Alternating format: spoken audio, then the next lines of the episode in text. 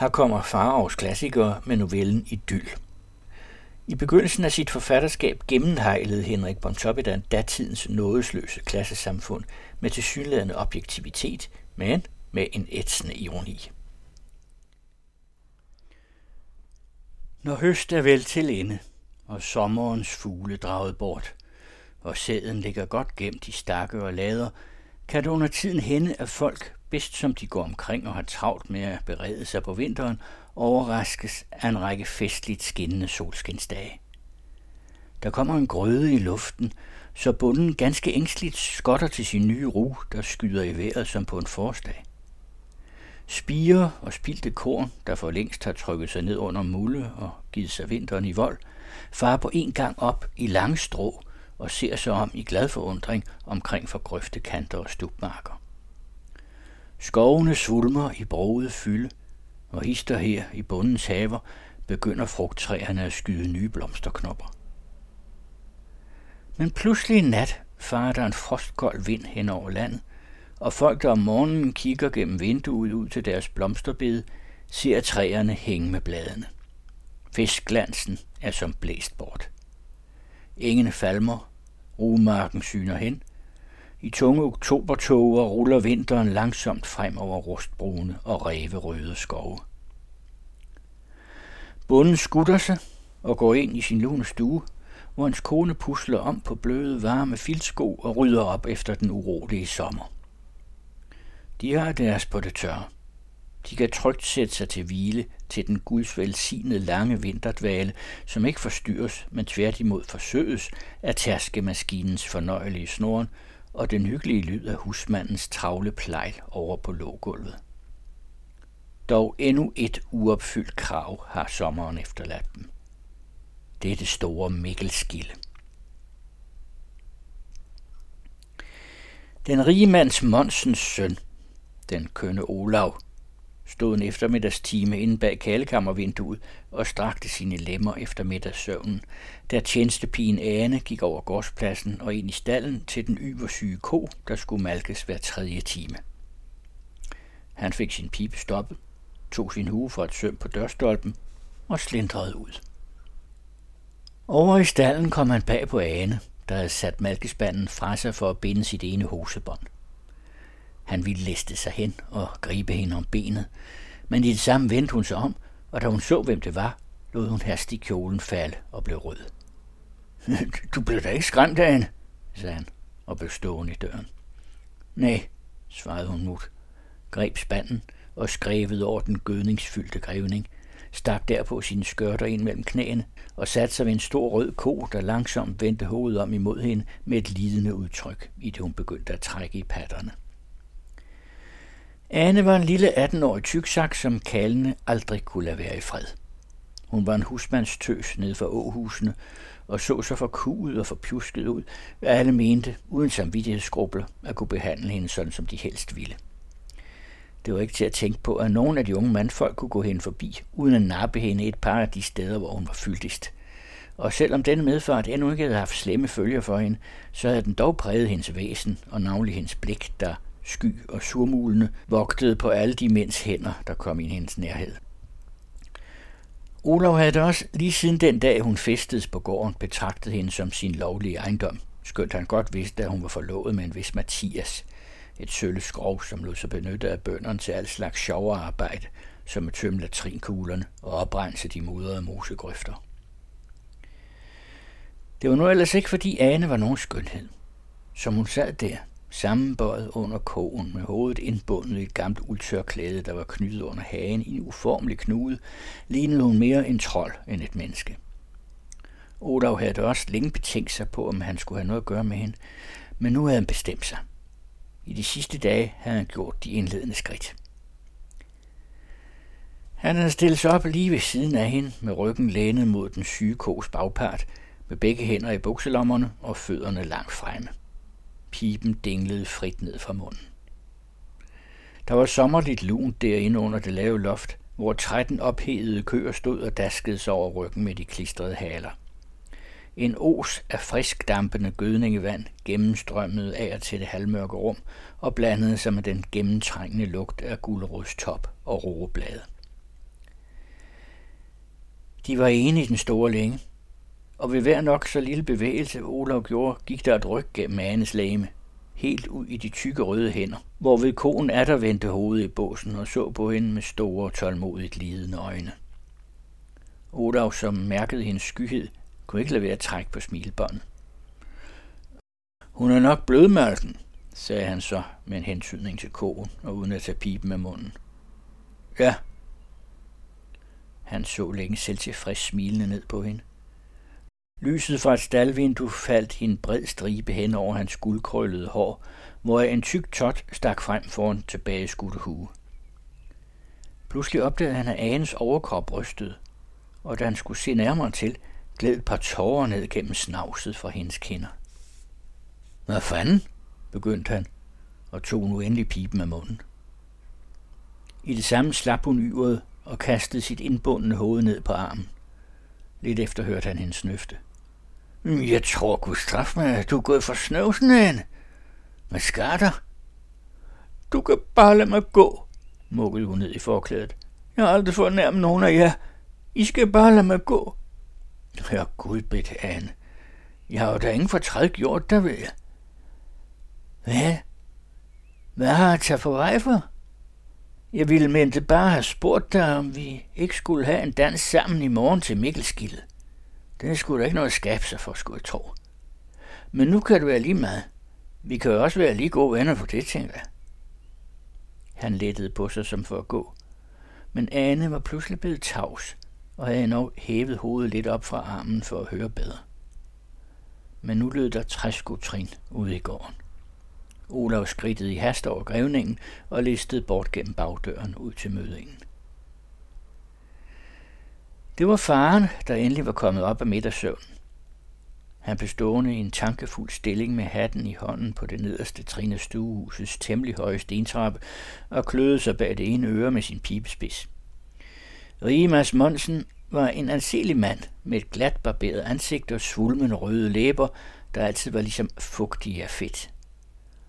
Op over den lave pande buskede der sig et tæt, gråt, småkrøllet hår, der groede ham dybt ned i nakken og langt frem over ørerne, hvor det var sammenvokset med et par små bakkenbarter. Han havde vel stået en halsnis minutter hensunken i betragtninger, om hvis natur han dog selv kun havde højst uklare forestillinger, da gårdens rygterdreng, Lille Laus, kom ind gennem porten med en skovl på skulderen. Det var en lille bleg fyr på 12-13 år, med en allerede ganske sammensunken figur og krumme knæ. Hans hoved var bedækket med en gammel soldaterkasket, der hang ham helt ned over de store, blåfrosne ører. De nøgne fødder slæbte på et par tunge jernbeslåede træsko, og hans fingre var stive og sorte af at have rodet i den våde jord ude i roekuglerne. Da han kom ind i gården, stillede han skovlen op ad muren ved porten og gik videre med lange skridt og hovedet dybt mellem skuldrene, ligesom en gammel arbejder. Og da han i nogen afstand hørte skovlen falde, vendte han straks om og rejste den op igen. Ja, det var ret lille lavs. Sådan skal det være, sagde hans husbund opmuntrende og satte endelig sin hat på, mens Lavs rejste hovedet, som om han først nu bemærkede ham. Efter at Mads Monsen endnu en lille stund havde stået og summet sig oven på den lange middagshvile, tændte han sin pibe og stillede sig ud i den åbne port for herfra at holde øje med sine arbejdsfolk ude i pløjemarken.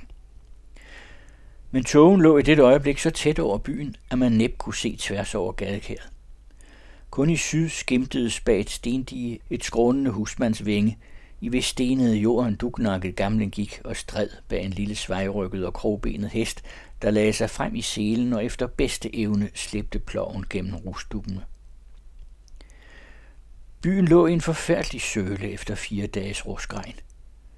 En række fede ender kom vraltende midt af vejen fra gadekæret og syntes med stort velbehag at plaske gennem den jævne grå vælling, der lå over kørepanden. Over hos sovnefodens galede en hane, ellers var der ganske stille. Pludselig var der nogen, der hostede inde i togen bag om lågavlen.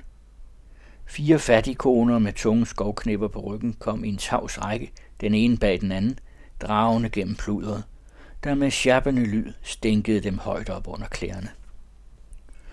Guds hjælp til arbejdet, sagde Mads Monsen, der altid var faderlig venlig mod fattige folk. Og der svaredes med et fremmumlet tak for hver af konerne efterhånden, som de kom forbi. Men netop som den sidste af dem var kommet ud for ham, lod hun sin byrde glide ned ad ryggen, og mens de andre tavst fortsatte deres vej, satte hun sig forpustet ned på knippet, i det hun trykkede hånden ind i siden med en klagende stønnen. Det var Anes mor, en høj, midaldrende kone med et guldbrunt mumieansigt, hvor sved og tåge drev ned. Pjalterne om hendes magre krop var gennemtrukne af vand, og ovenover et par opblødte tøjstøvler, der var snøret til fødderne med sejlgarn, så man, således som hun i øjeblikket sad, det nederste af de tilstænkede nøgne læge, der var knudret af opsvulmede år. Hvad? Er det dig, Hans? udbrød Mads Monsen. Er du kommet fra skoven? Konen nikkede blot. Hun havde endnu ikke værd til at tale.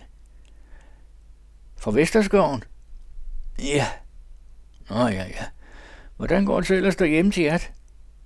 Åh, oh, Gud hjælp os, stønnede konen og blev ved at tørre sig over det lille leverbrune ansigt med en fli af sit skørt. Men pludselig slap Mads Monsen pibespidsen af munden og så med opspilede øjne op og ned af hende. Hvad for noget? Jeg tror, Gud straffe mig, Marne. Du er nu på glæde igen. Konen holdt op med at tørre sig, snød næsen i skørtet og lagde hovedet i hånden uden at svare. Ja, det er den 11. mand. Det er den 11. ja. Men herre Jesu død og plage, vil det da aldrig slut med jer to? Der er jo dog resonlighed i alting. Jeg kunne ved, hvad det er, Masmund. Jeg tyks nu det gerne går sådan her i verden, at de, som har noget at give deres børn, de får et nogen. Men bare støderen hænger bøvserne over sengstokken, så... Mads Monsen måtte atter tage pipen ud af munden. Han kunne ikke lade være med at le højt. Men der så konen pludselig på ham med et indet arigt blik og sagde, Ja, du har let ved at snakke, du, Mads. Du kunne have ladt mig i fred dengang, så jeg kan ske både et og andet med anderledes. Det skal du vide. Nå, tyssede bunden rød i hovedet og så sig ængstelig om. Lad os ikke snakke om de gamle sager. Jeg har da også mange gange givet dig en god håndsrækning, ved jeg. Konen mumlede nogle uforståelige ord, rejste sig derpå og fik igen med en del besvær knippet op på sin ryg. Nå ja, farvel da, mand, råbte Mads Monsen efter hende. Og så ses vi i morgen til Mikkelskilde. Kom bare med alle rollingerne. I skal min tro ikke komme til at lide nød. Maren Ans og hendes mand havde deres bolig i en samling grå lirhytter, kaldet Åhusene, der lå nede ved en vidtstrakt mosesump, hvor et åløb sivede ud. Selve byen med kirke og ti statlige bøndergårde lå hyggeligt og lunt op mellem bakkerne, der skærmede den for de barske norden og vestenvind. Især om foråret, når frugttræerne i bøndernes haver stod i blomster, bakkeskødet grønnedes og storken byggede på kirketaget, var byen den yndigste idyl at se til. I umindelige tider havde den ligget der i fredelig ensomhed, borte fra alfarvej og ganske uberørt af sådanne åndelige strømninger, der andre steder i landet havde stiftet ufred og afledt nag og fjendskab mellem befolkningen. Nu og da, i tidens løb, var ganske vist en gård blevet flyttet ud, og efterhånden som jordværdierne var stene og markerne blev forbedret, var stuehusene opført af brændte sten og havde fået brædegulve og oliemalede vægge og fine mahonimøbler, men det var alt sammen sket lidt efter lidt, så ingen egentlig mærkede overgangen eller tænkte på, at det i virkeligheden var blevet en ganske anden by end den fattige og fortrygte, der for et par mennesker allerede siden skjulte sig her mellem forsømte æger. Dengang, da dens mænd og kvinder endnu måtte frugtbart gøre herregården store hovmarker med deres sved. Åhusene derimod havde ikke forandret sig. Deres værdier var ikke stene. De lå der i den gamle lergrå række og støttede sig i deres affældighed til hinanden med en lude hist, en gavlvæg her, ligesom besjælede væsener, der lagde panderne mod hinanden for at grunde over deres skæbne. Rundt om på dørtærsklerne sad den Guds velsignelse af blege, svampede børn, der rus ud i fattigfolks smukkende halmsenge.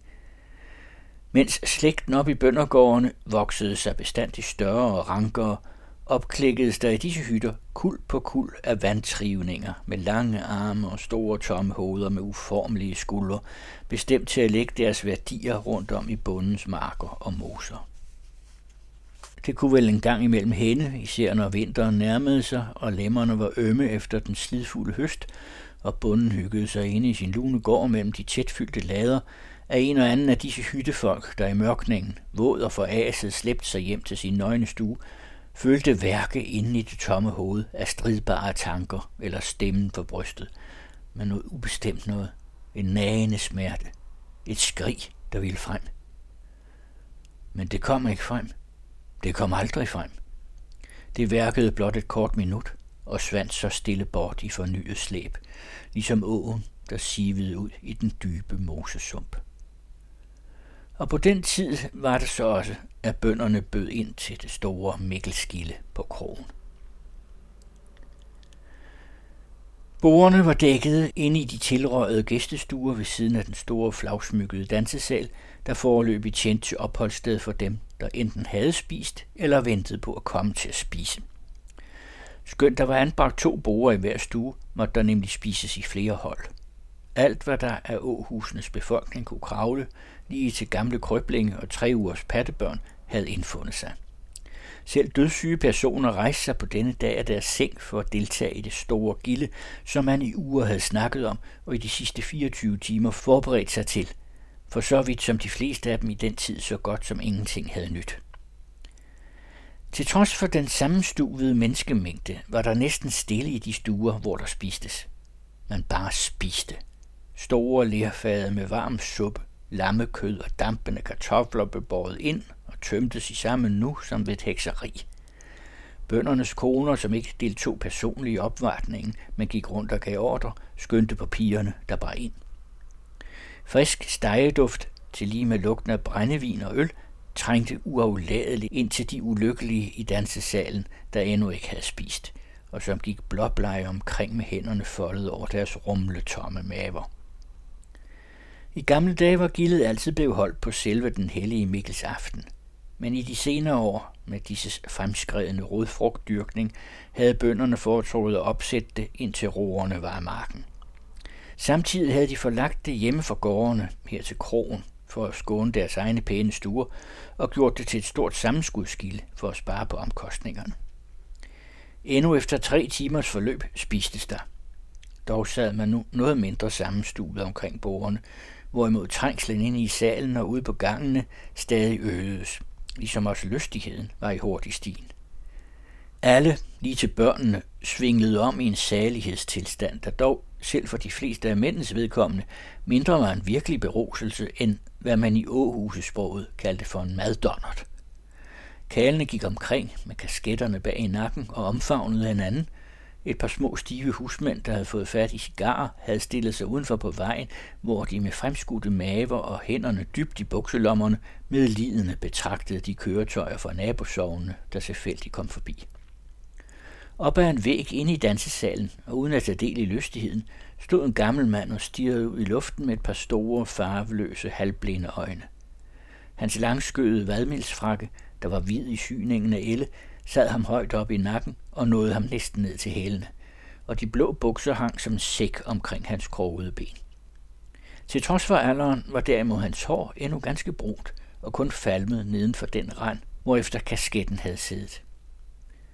Mads Monsen, der optrådte som en slags overvært, kom hen og slog ham gemytligt på skulderen. Nå, er I der, Jens Mathisen? Har I fået noget i skrutten, hva'? Uh, I var nok ellers ude med kæresten i går. Øh, jeg siger, I var nok ude i pløjemarken med Lotte. Den gamle, der var faret sammen, skyggede for øjnene med en stor malmbrun hånd og så uforstående og med mimrende mund på den store bonde. En ældre, tavlig, med netklædt kone med blanke brune øjne kom ud fra en kløn kvinder tæt ved og lagde sin hånd på hans frakkeærme. Han siger, Jens, at du var i pløjemarken i går med Lotte. Øh, ja, ja, svarede han nu endelig med en hæs, forståelig stemme. Det, det gik kun trøjt, Mads Mund. Det gik kun trøjt. Og ja, Lotte bliver jo også snart noget tynd i, Jens Mathisen. Han siger, at Lotte bliver snart noget tynd i, gentog er der konen i det, hun så ham op i ansigtet. Hun var endnu en smule mindre end han. Åh, ja, ja, det, det må jeg nok sige, svarede han så igen og rystede på sit lille hoved. Det går ned ad bak med hende, Nu vil hun ikke længere skyde møget fra sig stærkt skov. Og man har jo ikke noget at gøre hende til gode med, Masmond. Nå, Ja, hun er jo kun lille og trænger ikke meget. Og I giver hende dog vel lidt kerne nu til dags. Tre nævefulder, Mads Mon. Tre nævefulder. Og for resten af pisken, fåede han til med en trækning midt imellem smil og gråd. Ja, hun er jo gammel, Jens, men man kan jo ikke vente stort andet. Han siger, at Lotte er jo gammel, gentog konen, da han er der så spørgende frem og tilbage mellem dem. Men da han endda ikke synes at fatte det, tog hun selv ordet. Ja, og ja, vi bliver snart alle gamle og aflægs, Masmund. Man må jo ikke klage, for hvor herre passer jo på os alle sammen, både store og små, og selvom han nu ikke har øst op for en med den store slev, så har vi dog jo meget at være taknemmelige for.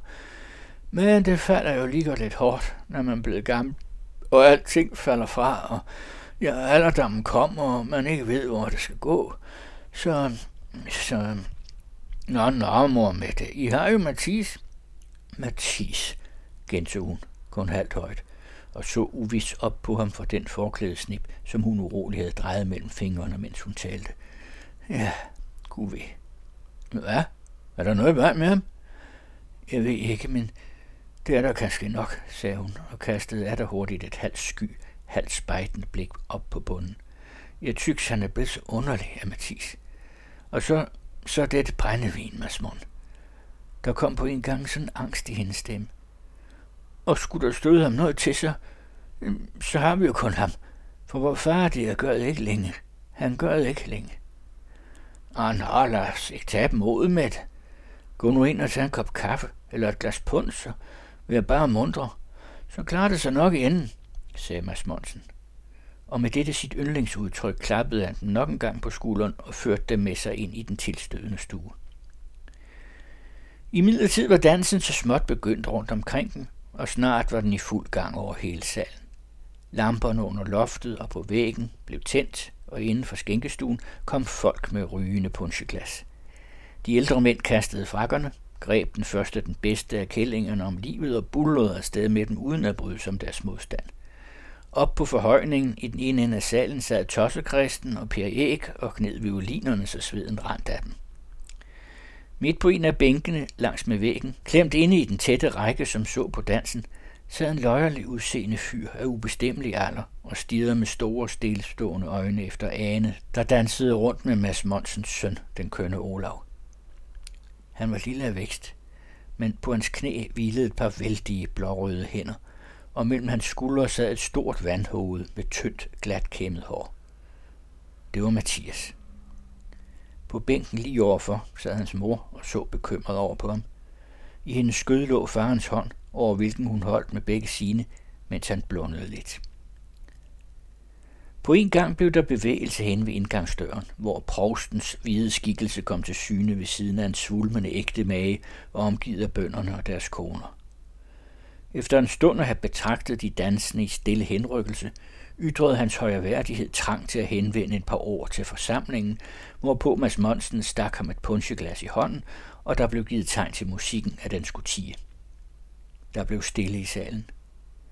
De dansende slap hinanden, men blev i øvrigt stående på samme plet, hvor de stansede, uden at ytre sønderlig begærlighed efter at få at vide, hvad provsten havde på hjertet. Hans tale var også præcis den samme, som han nu i ti år havde holdt ved denne lejlighed, og som ikke desmindre stadig bevægede ham selv så stærkt, at hans stemme bagved, og tårerne trådte ham i de smukke øjne. Han talte om, med hvilken fryd han skuede ud over denne store og herlige forsamling, hvor rig ved fattig, høj ved lav i fælles glæde samledes efter lykkelig til indbragt høst for at takke den højeste. Han bad til Gud, at han ville bevare dette fredens hjem her mellem de yndige bakker fra misundelsens og tvidragtens dæmoner, og styrke den broderskabsfølelse, der igen på den dag havde givet sig så kønt og herligt et vidnesbyrd. Til sidst gjorde han en kunstpause, trådte et lille skridt frem og rettede sig i sin fulde ærkebiskoppelige værdighed. Jeg har hørt, øh, har lavet mig fortælle, at man af visse folk holder af at betegne dette sted som en af landets døde pletter. Kære venner, sagde han og gjorde en højtidlig håndbevægelse ud over forsamlingen. Det er som dette er død. Der Gud fri os fra liv. Men er dette liv? Der Gud fri os fra død. Heller ikke denne vending var fremmed for hans tilhører, og dog stirrede de sover opbygget mod gulvet, i det han nu gik rundt i salen for at klinke med hver især. Så stemte musikken af derop, og dansen tog fat med fornyet liv, mens provsten og provstinden til lige med bønderne og deres koner trak sig tilbage til kromandens private værelser, hvor der var dækket et fint aftensbord med andesteg og kolde kyllinger, rødvin og svisketærte. Under provstens tale var Olav og Ane forsvundne. Mathias' mor sad på bænken og spejtede ængstligt både efter dem og efter sin søn, der også var borte. Han gik, lidt svinglende af drik og med rystende hænder, omkring i skænkestuerne og søgte. Gik også ud i haven, over i rejsestallen og rundt om alle længerne og ind i havrebåden. Han eftersøgte hver krog, hvert mørkt skjul, men han så ingen, hørte ikke en lyd noget sted. Så gik han langsomt hjemme. På vejen kom han forbi Mads Monsens gård, der lå fornemt gemt bag de høje stakke som bag en række mørke vagtårne. Han knyttede sine kæmpe store hænder. Han bed læberne sammen. Om man en stormnat satte en svovlstik til stråtaget derhen. Hans tykke læber lå tavst i mørket. Tanken beredte ham et øjebliks vild glæde. Han så for sig det lugende ildhav, de flygtende kreaturer, hele bundebyen som en askehob. han kendte godt til den slags tanker. Det var ikke første gang, han følte det værk i hovedet og stemme for brystet med dette dumpe, ubestemmelige, der sved og brændte for at vælge frem. Men det nåede ikke frem. Det nåede aldrig frem. Han vidste godt. Allerede den næste dag ville det være over. Til maj dag ville han gifte sig med Ane, og når Olav engang fik gården, ville han kaske en dag komme ind til ham på sine hovedsokker og med huen i hånden bede ham om at unde ham lidt arbejde med at køre møg og oprense muddergrøfterne og snit grise. Og netop således skete det. I hørte novellen Idyll af Henrik Pontoppidan.